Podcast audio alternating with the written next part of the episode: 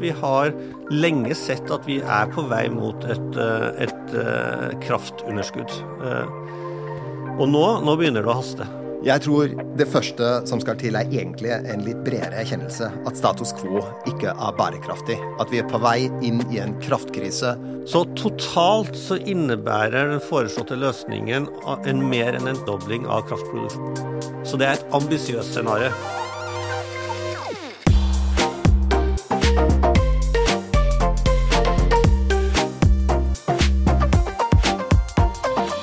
Kjære lyttere, velkommen til en helt spesiell utgave av vår podkast I morgen. Denne episoden har vi viet ene og alene til lanseringen av McKinseys nye rapport Norge i morgen 2023 fra kraftunderskudd til bærekraft. For i fjorårets rapport Norge i morgen 22 snakket vi om ti mulighetsnæringer for Norge. Mens i denne snakker vi utelukkende om den norske kraftsituasjonen. For om det skjer i 2027, 2028 eller 2029, eller kanskje til og med senere, det er litt irrelevant. Faktumet er enkelt. Norge står overfor et kraftunderskudd om få år. Det vil ha store konsekvenser for eh, kraftpriser til forbrukere og konkurranseevnen til eksisterende og ny industri i Norge.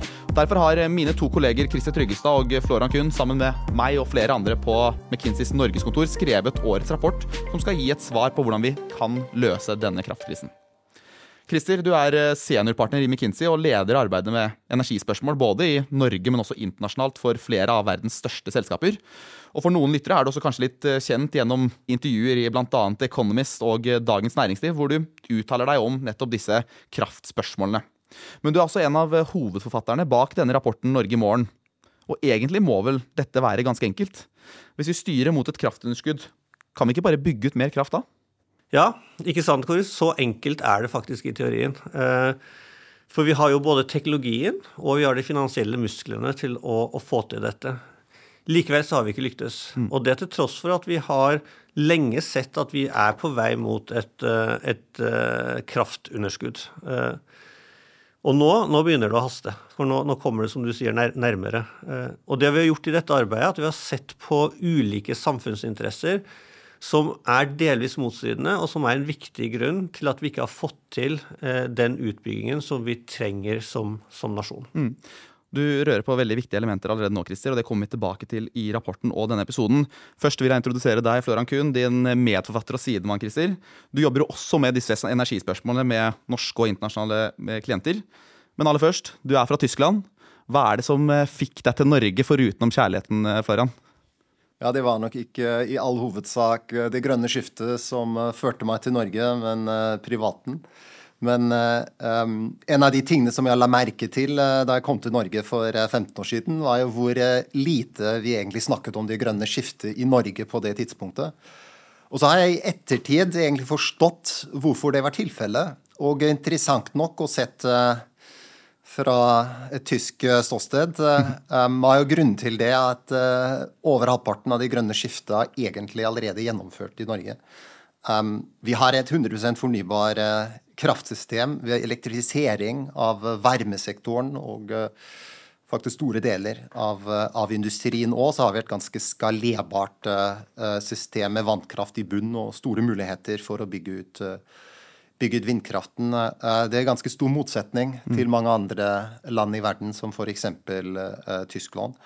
Um, og det driver på um, den ene siden um, litt mindre urgency men en mye større mulighet til å um, skape verdi, bygge framtidens industrier, mm. basert på et veldig, veldig sterk uh, um, fundament. Mm.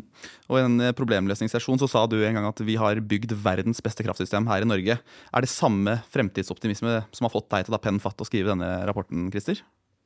Ja, eh, i utgangspunktet så er jeg eh, optimistisk. Eh, verden står overfor enorme klimautfordringer. Og eneste måten å løse de utfordringene på, er at vi klarer å gjøre et fundamentalt skift i hvordan vi produserer og forbruker energi. Og der er Norge i en unik posisjon til både å bidra til dette skiftet, og samtidig skape betydelige verdier og, arbeidsplasser knytta til, til spennende nye næringer. Så jeg tror vi kommer til å få det til, men jeg tror ikke det kommer til å bli enkelt. Men mine karer, nå sitter det flere hundre tusen lyttere der ute og hører på denne podkasten og lurer på hva det er McKinsey foreslår for å løse denne mulige kraftkrisen Norge står overfor. Så la oss snakke om denne rapporten. Der foreslår altså McKinsey som hovedgrep å bl.a. bygge ut tre ganger så mye landbasert vindkraft som i dag, satse på bunnfast havvind som løsning på kort og mellomlang sikt, og at nettopp denne havvindsatsingen etableres som eksportnæring gjennom hybridkabler til utlandet. Men la oss hoppe tilbake til start før vi går i detalj på disse elementene. Christer, du nevnte kjapt i innledningen, så la oss fortsette der. Hva er utsiktene for den eh, fremtidige kraftsituasjonen i Norge, og dermed utgangspunktet for denne rapporten? Nei, utsiktene er jo den at eh, mens etterspørselen etter kraft fortsetter å øke, eh, så, så klarer vi ikke å holde tritt på tilbudssiden. Vi bygger nesten ikke for en ny kraftproduksjon lenger, så vi er i ferd med å styre mot et kraftunderskudd. Mm. Og I norsk setting så er begrepet kraftunderskudd kanskje noe som er veldig ukjent. Hva vil det i praksis bety? Ja, Da tror jeg det er nyttig å ta et lite steg tilbake. For Norge har jo nå brukt over 100 år på å bygge et konkurransefortrinn basert på billig, grønn elektrisitet. Eh, og jeg er ikke sikker på at alle har tatt inn over seg hvor alvorlig det er hvis vi går fra den situasjonen til å ha et kraftunderskudd. Så vi har, sett noen smakebiter de siste ett til to årene hvor, hvor det har vært perioder hvor norske kraftpriser har vært nesten like høye som i resten av Europa, mm. og, og vi, vi, ser hva det har hatt av implikasjoner.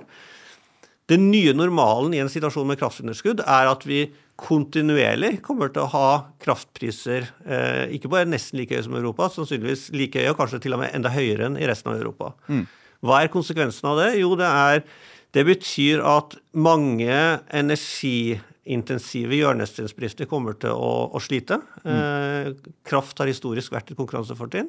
Med høyere kraftpriser så kan det se at noen av de til og med må, må legge ned. Eh, det andre er når vi ser framover på nye verdiskapningsmuligheter. Det har vi snakket mye om i Norge i morgenrapporten vår. Mm. Eh, det er klart at Hvis kraftprisene i Norge øker, og får et, så vil mange av disse industriene ikke være like interesserte i å komme til Norge og bygge ny industri i Norge. Og, og dermed gå glipp av verdiskapning og nye arbeidsplasser. Husholdningene vil merke det eh, gjennom høye eh, energipriser, høye kraftpriser, som vi har sett eh, en del eksempler på de siste, siste årene.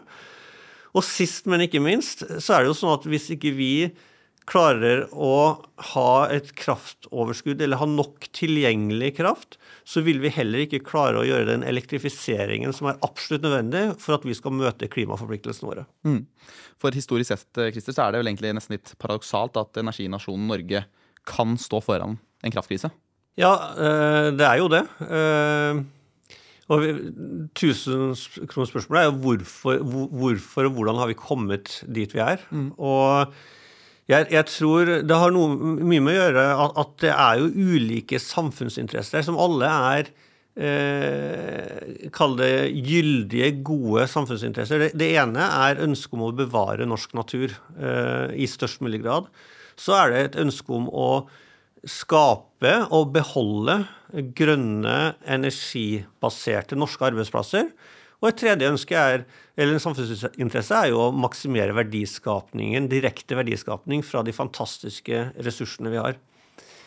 Men, men, det jeg tror har skjedd, er at i stedet for å få en balansert debatt basert på disse hensynene og de reelle avveiningene man må gjøre, så har man fått en veldig fragmentert debatt og en veldig polarisert debatt, mm. hvor de, mange av innspillene tar utgangspunkt i ett av hensynene alene og løfter det hensynet fram overfor de andre. Og, og, og da, da, går man heller litt i skyttergraver. Eh, og det, det, tror jeg har bidratt til å stanse utviklingen. Mm. Så er jo et veldig sentralt eh, element i rapporten at vi har disse tre ulike hensynene som du nevner, eh, Christer, og at vi tar de på alvor. Og Derfor har vi regnet på hvordan Norge kunne sett ut i 2040 for hver og en av dem. Det er altså en versjon hvor vi bevarer norsk natur og ikke bygger ut noe kraft. Det er en versjon hvor vi bygger ut kraft for å prioritere en ny grønn industri i Norge og skaper da flere nye arbeidsplasser. Og så er det en versjon hvor vi bygger ut kraft for å tjene på eksport av nettopp denne til Europa. Florian, foruten dette, hva er det som eh, kjennetegner disse tre ulike scenarioene vi, vi snakker om? Vi har tatt utgangspunkt i de tre egentlig legitime samfunnsinteressene. Altså har vi bygget uh, tre halvveis realistiske scenarioer som, uh, som illustrere om man virkelig hadde hatt stor overvekt um, på den ene delen av målfunksjonen. Hvordan kunne det sett ut? Mm. Um, og så har vi det første scenarioet som vi kaller for bevare norsk natur, hvor vi ikke skal liksom deindustrialisere landet og um, uh, å bygge tilbake eksisterende um, kraftsystemer, men hvor vi tross alt skal være veldig veldig restriktivt i hvor mye ny kraft vi egentlig kan ta i bruk. Det er et scenario hvor vi tror potensialet for ny kraftproduksjon er kanskje um, en eller annen plass rundt 30 TWh, som i all hovedsak ligger i oppgradering av eksisterende anlegg på, på vann og vind. Det er helt åpenbart ikke plass til mye mellomlandsforbindelser. Um, muligens trenger man de for å importere kraften som man ikke har hjemme, um, fra utlandet. Um, og da sier det seg sjøl at ny kraftkrevende industri egentlig ikke kan etableres i dette landet. Det slike motsatte gjør vi egentlig i, i scenario to, hvor vi sier at hovedideen er å maksimere grønne arbeidsplasser. Da anslår vi at, eh, at man um, ikke kommer til å bygge nye mellomlandsforbindelser. Alt av uh, kraftproduksjon skal gå inn i, i det norske markedet.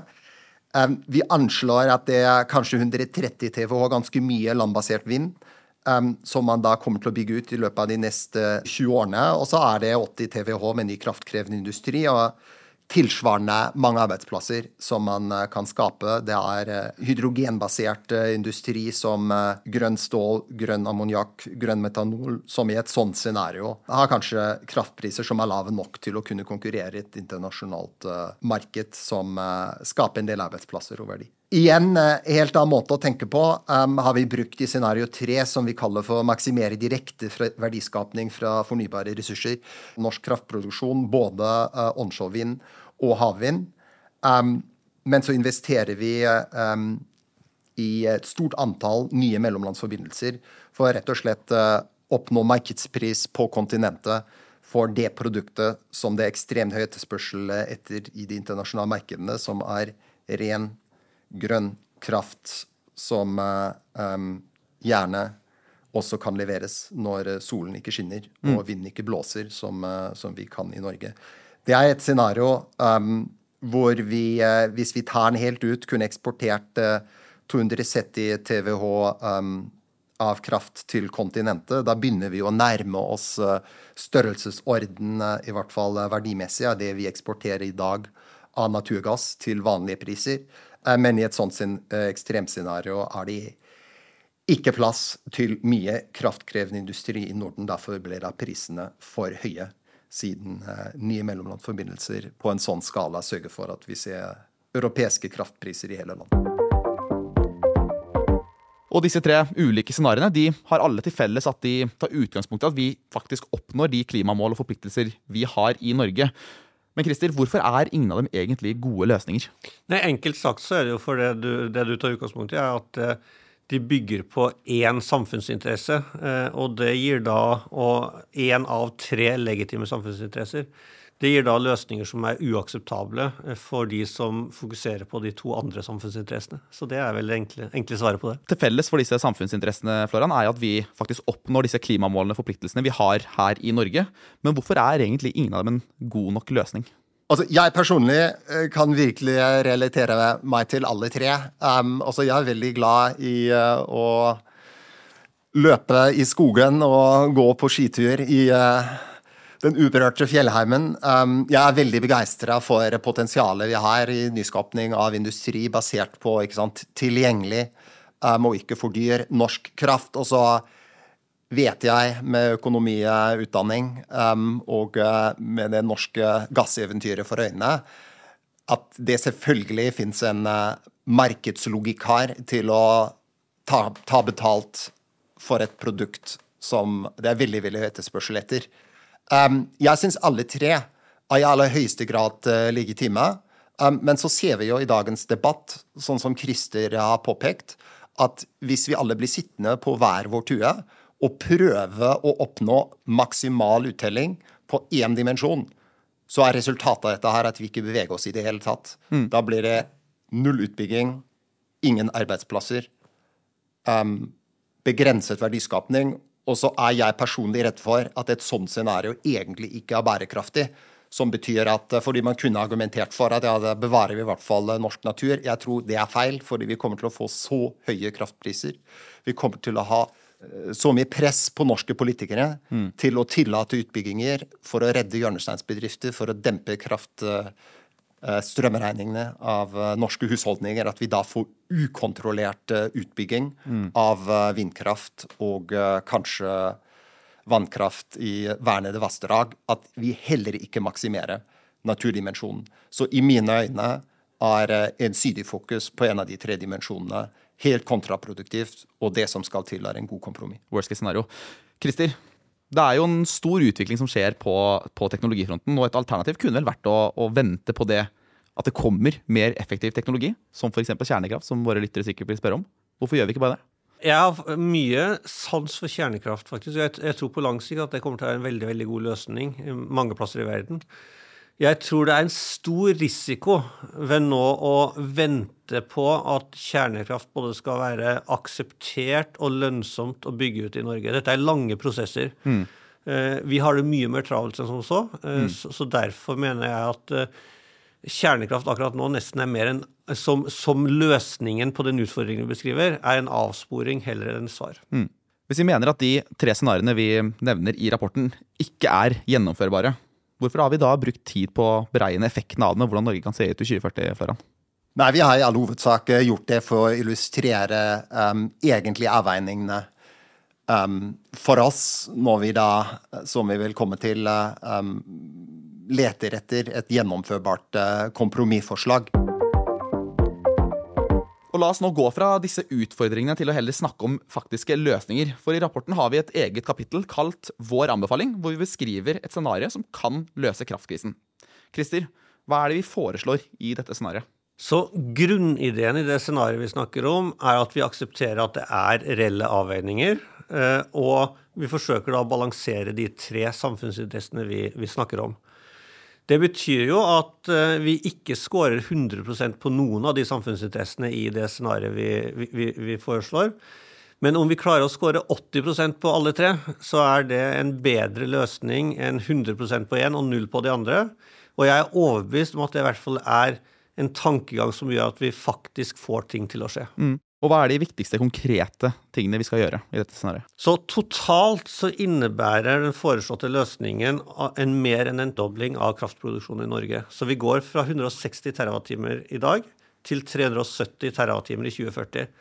Så det er et ambisiøst scenario. Det er mm. nummer én. Eh, av de ekstra da 210 TWh, så tror vi at, mener vi at 20 TWh kan komme fra hver av å oppgradere norsk vannkraft, eksisterende norsk vannkraft, og solkraft på tak. Så der er det 40 TWh totalt. Eh, så, så, det meste av, av økningen i dette scenarioet eh, kommer da fra vindkraft. Så la oss begynne med eh, havvind. Vi mener at det der er realistisk å se for seg 135 TWh ny havvind innen 2040. 30 mm. gigawatt med havvind. Hvis, hvis, du relaterer det til potensialet NVE har jo sett på hva er områder egnet for havvind.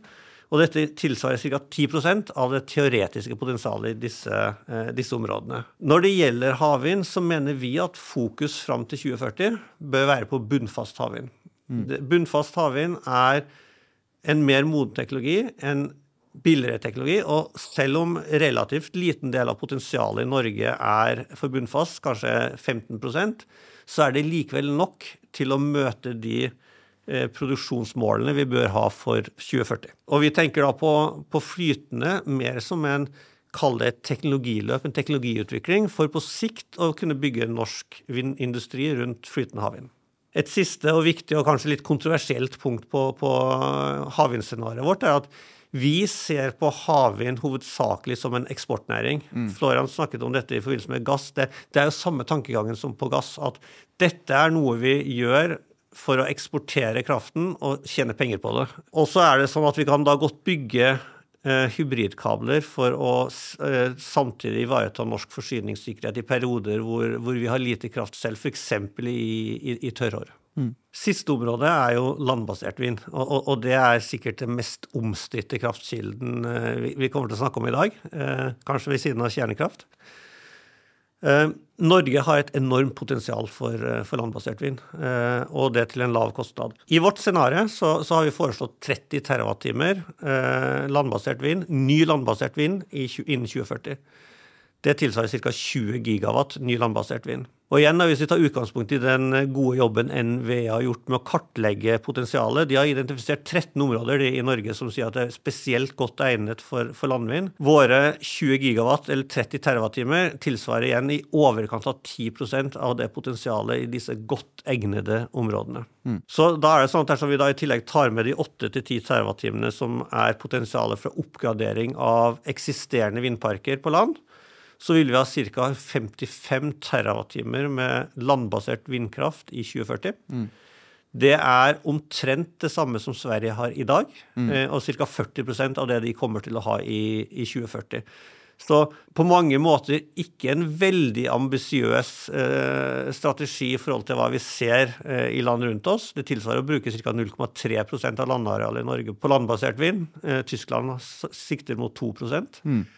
Men samtidig, gitt eh, situasjonen som den er, og en del andre hensyn rundt norsk, eh, norsk natur, så tror vi det er et godt kompromiss. Mm. Og Hvor skal disse landbaserte vindmøllene være?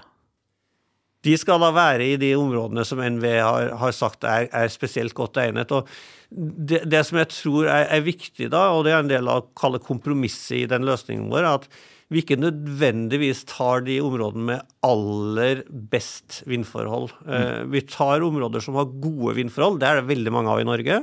Og hvor kalle naturinngrepene blir minst mulig skadelige. Mm. Og Disse 13 områdene som NVE også har pekt ut, har jo også vært igjennom uh, ulike instanser, deriblant Miljødirektoratet, så de er jo definert egnet fra flere perspektiv. Florian, det er jo en ambisiøs plan, som, som Christer sier, men likevel så tror vi at den er realistisk og kan fungere. Hvorfor det? Altså, Vi tror rett og slett at det er en god kompromiss på tvers eh, av disse tre dimensjonene. ikke sant? Altså, Dette her er økonomisk fornuftig. Vi tar liksom de billige kraftkildene som um, ikke krever store subsidier. Krever ingen, ingen, subsidier i det hele tatt på produksjonssiden. Um, vi bygger ut mye, men vi begrenser utbygging uh, innenfor fornuftige rammer. Dette muliggjør at vi skaper mye industri, men vi legger ikke til rette for all industri som kunne ønsket å komme til Norge om kraftprisen var 15 øre, fordi det kommer den ikke til å være. Vi skaper arbeidsplasser, men vi skaper arbeidsplasser som er basert på noe mer mm. enn bare tilgang på grønn kraft. Um, og samtidig så sikrer vi liksom gode inntekter til både staten, uh, uh, offentlig eide uh, kraftprodusenter og andre gjennom direkte inntekter til uh, kraftverkene og uh, flaskehalsinntekter i uh, flere mellomlandsforbindelser, som vi tror i sum er en ganske kraftfull og fornuftig løsning som vi håper um, ikke på detaljnivå, men uh, retningsmessig kan være en god anker for en politisk kompromiss i Norge. Mm. Og Det er vel ganske viktig å ta inn over seg at vi står i en situasjon der vi nesten ikke kommer foruten å måtte ta i bruk litt av den norske naturen. Men vi sier da som sagt 30 TWh med ny landbasert vindkraft. Dette har vi regnet oss fram til at er rundt 1000 kvadratkilometer eh, med ny eh, planareal, eller nytt planareal som må brukes i Norge. Er det realistisk at vi kan bygge ut så mye landvind med tanke på den motstanden som finnes i Norge i dag mot eh, vindturbiner? Det, det, er jo nesten litt farlig å si ja, det tror jeg, men, men, men jeg tror faktisk egentlig det, altså. Jeg, jeg tror eh, vi også som nasjon har lært ganske mye eh, i, i, de prosessene de siste par årene rundt hvordan man skal få til dette. Og, og, og noen av de temaene som i hvert fall jeg sitter igjen med, er Nummer én, eh, de berørte, eh, om det er eh, samer eller andre, må tas med i diskusjonen mm. for å sikre at man finner de kalde løsninger som også er akseptable for, for, for de berørte partene. Nummer to, jeg tror også det er rimelig at kommunene sitter igjen med en ganske stor del av, av, overskuddet. Eh, for det er tross alt de som da avgir land for å få dette til å skje, og at de også da sitter med, har finansielle insentiver til å, til å gjøre det, er viktig. Så lokal forankring vil være nødvendig i denne landbaserte vindkraftsatsingen. Men Florian, hva må egentlig til for at man skal lykkes med å bygge ut mer kraft på den måten vi skildrer i denne rapporten? Jeg tror det første som skal til, er egentlig en litt bredere erkjennelse. At status quo ikke er bærekraftig. At vi er på vei inn i en kraftkrise med vidstrakte konsekvenser for egentlig alle interessegruppene. Hvis vi erkjenner at vi virkelig må bevege oss og, og, og gripe fatt i den fantastiske muligheten, mener vi at eh, landet egentlig trenger en bred forankret uh, energiplan som viser til en retning som ligner på den som, uh, som vi nå påpeker. Hvis vi har uh, oppnådd den erkjennelsen, trenger vi en akselerasjon av hele havvindutbygging og konsesjonsutlysning vi må tilrettelegge for en clusterbasert utbygging av ny vindkraft. Vi må sørge for at vi virkelig har effektivitet og kvalitet i alle leddene i uh, saksbehandling av uh, utbyggingsprosesser på produksjon og nett. Og så må vi sørge for at vi styrker insentivordninger på enøksiden, som tross alt er en av de mest lønnsomme tiltakene. Norsk industri må basere seg på markedsbasert modell på like linje med andre land i verden. Har vi gjort det før? Ja, eh jeg, jeg, jeg, tror hvis vi ser på det vi har fått til på olje- og gassiden, så er jo det et fantastisk godt eksempel. Mm. Vi, vi, kan når vi, når vi må. Jeg tror Florian var litt inne på det. Med, det, det, det, er en sense of urgency, mangel av et bedre norsk ord, som trengs her, og, og, og, som jeg, jeg, tror vil komme nå etter hvert. Men, men, det er klart, Norge som nasjon, vi, vi har ikke vært nødt til eh, å, å, gjøre dette. Mm. Eh, vi, vi, har veldig godt med olje- og gassinntekter. Eh, vi, vi, har et samfunn som på mange måter er veldig fint og godt å, å, leve i. Men jeg tror det skiftet vi nå står overfor, er ja, som jeg snakket om i starten, jeg tror konsekvensene av å ikke lykkes her er veldig store. Mm. Så, så en sense of urgency, jo fortere den kommer, jo raskere klarer vi å omstille oss, og det må vi uansett. Og jo raskere vi kan starte med det, jo, jo mindre smertefullt blir det faktisk. Mm. Det er ganske store ting som må på plass for at vi skal lykkes med denne strategien. Men hva er det som også ligger til grunn som norske styrker som gjør at vi faktisk kan komme ut av dette med hodet hevet? Jeg, tror Norge er godt posisjonert til å få til dette. Og, og hvis jeg skal liste opp noen av grunnene til det Nummer én, jeg vil starte med at vi har rikelig tilgang på høykompetent arbeidskraft i sektorer som er direkte overførbar til det vi nå skal i gang med. F.eks. Eh, olje- og gassindustrien eh, og den kompetansen de har, er veldig nyttig og viktig inn mot eh, havvind. Nummer to er at vi, vi har jo en, vi har politikere som har vist seg handlingsdyktige når de må. Eh, og jeg tror vi har et, eh, et sett med politikere som kan ta raske og riktige og kloke avgjørelser og, og, få en forankret politikk og retning på tvers av partigrenser. Nummer tre så vil jeg også skryte litt av det norske byråkratiet, som, som jeg også syns er veldig velfungerende. Og, og, vi har sett flere eksempler på hvor de klarer å ganske raskt snu seg rundt og, og, og, gjøre de tiltak og sørge for å implementere de ordninger som trengs. F.eks. så vi det på oljeskattepakken gjennom koronatiden. Og det siste er Det er kanskje ikke så mye en grunn for hvorfor vi skal få det til, men, vi, er, vi er, nødt til å få det til. Mm. Vi er nødt til å få det til fordi vi har forpliktet oss gjennom en del klimamål eh, og, og en del klimaambisjoner som vi ikke klarer å levere på, med mindre vi får til dette. Mm. Selv om vi i denne episoden har snakket om vår egen rapport, vil jeg gjerne utfordre dere, som vi alltid gjør, mot slutten av våre podkastepisoder, nemlig med å stille dere begge spørsmålet hva er den ene tingen vi må gjøre i dag for å løse kraftkrisen i morgen? Ja, for, meg så er den ene tingen som må på plass, og det er ikke gjort i løpet av dagen i dag, men, men vi trenger en energiplan, en ambisiøs energiplan som har bred politisk forankring og det haster. For meg begynner det, som sagt tidligere, med erkjennelsen at eh, vi er på vei inn i en kraftkrise med ordentlige konsekvenser for alle som bryr seg om framtiden av dette landet. Hvis vi bygger på denne erkjennelsen at status quo ikke er bærekraftig, så kommer vi til å mobilisere de politiske kreftene som skal til for å utvikle den planen og gripe fatt i den fantastiske muligheten. Mm. Og tusen takk for at dere kom hit, eh, Christer Tryggestad og Flora Kuhn. Og takk til deg, kjære lytter. Rapporten ligger nå ute på norgemorgen.no, der den kan leses i sin helhet. Jeg heter Kori Skustani. Takk for at du hørte på i morgen.